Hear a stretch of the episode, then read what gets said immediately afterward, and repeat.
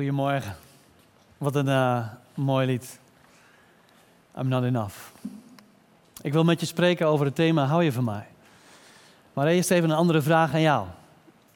Heb je het wel eens meegemaakt dat, een, uh, dat je jezelf verraden voelde door een goede vriend? Dat iemand op een moment dat het voor jou heel belangrijk was, jou heeft laten vallen. Of misschien juist heel lelijk heeft gedaan op een moment dat je het zo nodig had. Dat komt heftig binnen. Dat doet zeer. En stel je nou voor dat je elkaar weer gaat ontmoeten na dat momentje. Dat je elkaar weer voor het eerst in de ogen kijkt. Wat zou jouw behoefte dan zijn? Wat zou je willen zeggen? Wat zou je willen doen? Misschien zou je eerst even willen slaan. Gewoon om, om ook even de ander pijn te doen omdat het jou zoveel pijn heeft gedaan. Of misschien zou je vragen van hoe, hoe komt het? Wil je uitleg? Wil je excuses? Wil je dat het recht gezegd wordt? En terecht. Dat doet zeer. En hoe dichter iemand bij je staat, hoe heftiger het binnenkomt. Hoe werkt dat eigenlijk bij God? Stel je voor dat je God een beetje verraadt.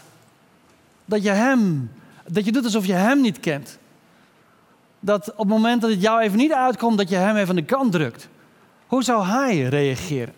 Het kan maar zo dat, dat, dat je eigenlijk de manier waarop jij zelf denkt ook bij God neerlegt. Dat je denkt, hij zal wel hetzelfde doen als dat ik het zou doen. Ik denk dat hij mij goed de waarheid zou vertellen. Of, of ja, dat hij zijn teleurstelling in mij zou duidelijk maken. Of dat hij zou zeggen, nou je snapt zelf ook wel dat het nu over is, toch? Nou, God vindt het eigenlijk superbelangrijk dat je de juiste dingen over hem denkt. Dat je niet zomaar denkt dat hij wel hetzelfde zou zijn als dat jij bent. En daarom stuurde hij Jezus. Jezus zegt ergens in het Johannes-evangelie, hij zegt, als je mij hebt gezien, dan heb je de Vader gezien. Dat zegt hij. Dus als je wil weten hoe God reageert op jou, dan moet je eigenlijk naar Jezus kijken. Want dan weet je, hé, hey, zo zou hij reageren. Nou, en daarvoor gaan we naar een moment in de Bijbel dat Jezus verraden werd. En dat hij daarop terugkomt, dat ze elkaar weer ontmoeten. En Jezus die, die zit daar aan een barbecue samen met ja, zijn vrienden. Maar ja, zijn het wel zijn vrienden? Dit is zo'n twee weken na Pasen. Dus een beetje hetzelfde als nu. Twee weken geleden is het meest heftige weekend voor Jezus geweest. Hij is verraden, hij is alleen gelaten, hij is geslagen en uiteindelijk is hij de dood gebracht. En al die gasten die nu met hem aan een barbecue zitten, die hebben hem verlaten. Het is echt een awkward momentje. Eén van de groep heeft zelfmoord gepleegd. De anderen zijn gevlucht toen Jezus het echt benauwd kreeg. En Petrus, ja, die, heeft het, die heeft ook wel bar gemaakt hoor. Die heeft gewoon drie keer gezegd toen er naar hem gevraagd werd: hey, hoor jij niet bij die Jezus? Heeft hij drie keer gezegd: Nee man, ik weet niet waar je het over hebt. Jezus, wie is dat? Het werd het nog een keer gevraagd. Nee gast, ik, ik, ken, die, ik ken die man niet, echt niet. En toen het hem de derde keer werd gevraagd, knalde er een vloek uit om even te bewijzen: jongen, ik heb niks met die hele Jezus niet, daar moet je nu over kappen. En toen realiseerde zich: Tori, ik heb Jezus drie keer verraden. Ja, en nu zitten ze weer bij elkaar. Jezus die heeft een barbecue klaargemaakt op het strand en heeft hen uitgenodigd: kom jongens, laten we samen eten. En ik denk dat er wat minder gepraat werd en dat Petrus niet zoveel kibbeling heeft gegeten als hij normaal op kan. Hij heeft een knoop in zijn maag. Want wat gaat Jezus straks tegen hem zeggen? Nou, dat lezen we even mee. Aan het eind van de maaltijd richt Jezus het woord tot Petrus. En dan vraagt hij aan Petrus: Simon, zoon van Johannes, heb je mij lief meer dan die anderen hier? Oeh, die zag Petrus even niet aankomen. Hij had al excuses in zijn hoofd. Hij, hij wilde al het een en ander gaan uitleggen. Hij, hij wilde wat begrip creëren voor zijn, voor zijn domme daad toen. Maar nu die vraag, Petrus, stelt Jezus. Heb je mij lief meer dan die anderen? Want dat is wat je zei, Petrus. Al gaat iedereen, vlucht u van u weg. Ik, Jezus, ik ga nog liever dood, had Petrus gezegd, voor zijn verraad. Nou, nu bluft hij even niet meer. Jezus die vraagt, heb je me zo radicaal lief? En Petrus die, die schuifelt wat, die... Uh, veegt zijn mond nog even af en zegt: Jezus, u weet het toch? Ik, ik hou van u. En het leuke is, Johannes, de schrijver van dit boekje in de Bijbel, die gebruikt dan een Grieks, tenminste er wordt een Grieks woord aangegeven, dat is agape. Dus Jezus vraagt aan Petrus, Petrus heb je mij agape? En dat is eigenlijk, heb je me zo radicaal lief dat je je leven voor mij zou willen geven? Nou, een paar weken geleden had Petrus gelijk gezegd, ja natuurlijk Jezus, je weet toch. Ah, nu bluft hij even wat minder. Hij zegt, hij zegt niet, ja dat, maar hij gebruikt een ander woord. Jezus, ik heb u filia. Ik heb u lief zoals vrienden. En dan vraagt Jezus het nog een keer aan hem. Petrus, heb je mij agape? Heb je mij zo radicaal lief? Petrus voelt het zo onhandig, maar hij kan het niet anders zeggen dat hij zegt: Jezus, ik weet niet of het zo is, maar ik heb u filia. Ik heb u lief, Jezus, dat weet u toch? En dan vraagt Jezus het nog een derde keer. Laten we dat maar eens lezen. En voor de derde keer vroeg hij hem: Simon, zoon van Johannes, hou je van mij? En Petrus die werd verdrietig, omdat hij het voor de derde keer vroeg of hij van hem hield.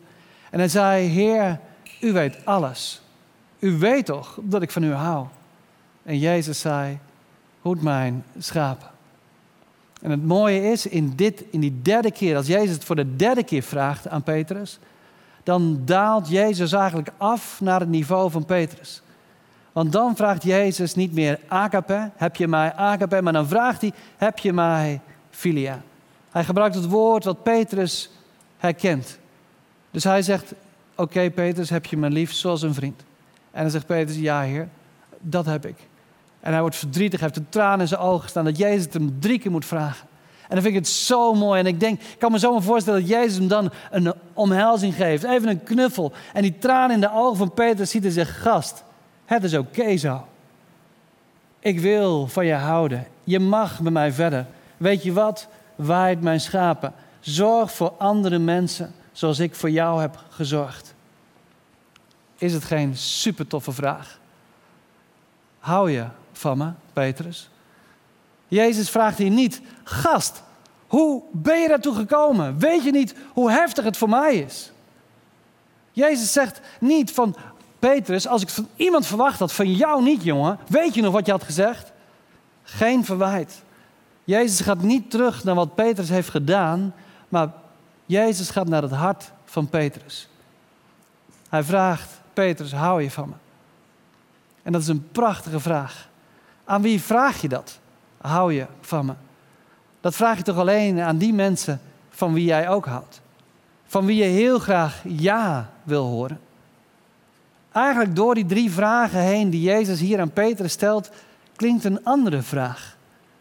Petrus, jij bent jezelf zo tegengekomen. Jij wil je misschien nu terugtrekken. Je baalt van jezelf. Je hebt het niet kunnen doen zoals je het graag had willen doen. En nu stel ik jou de vraag, Petrus, mag ik van je blijven houden? Dat is een genadevraag, vind je niet? Het woord genade, dat, dat, dat hoort daarbij.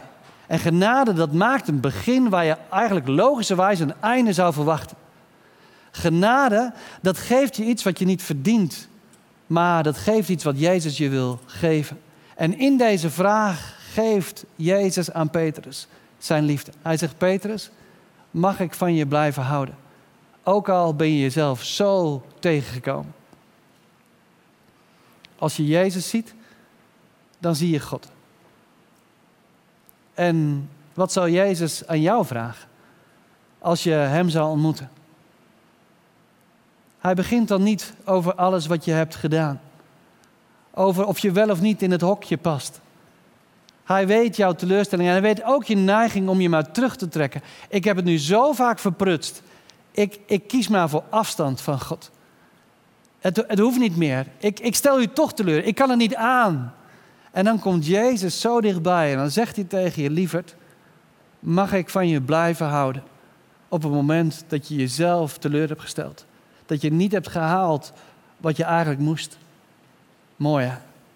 Jezus maakt een nieuw begin waar je eigenlijk een einde verwacht.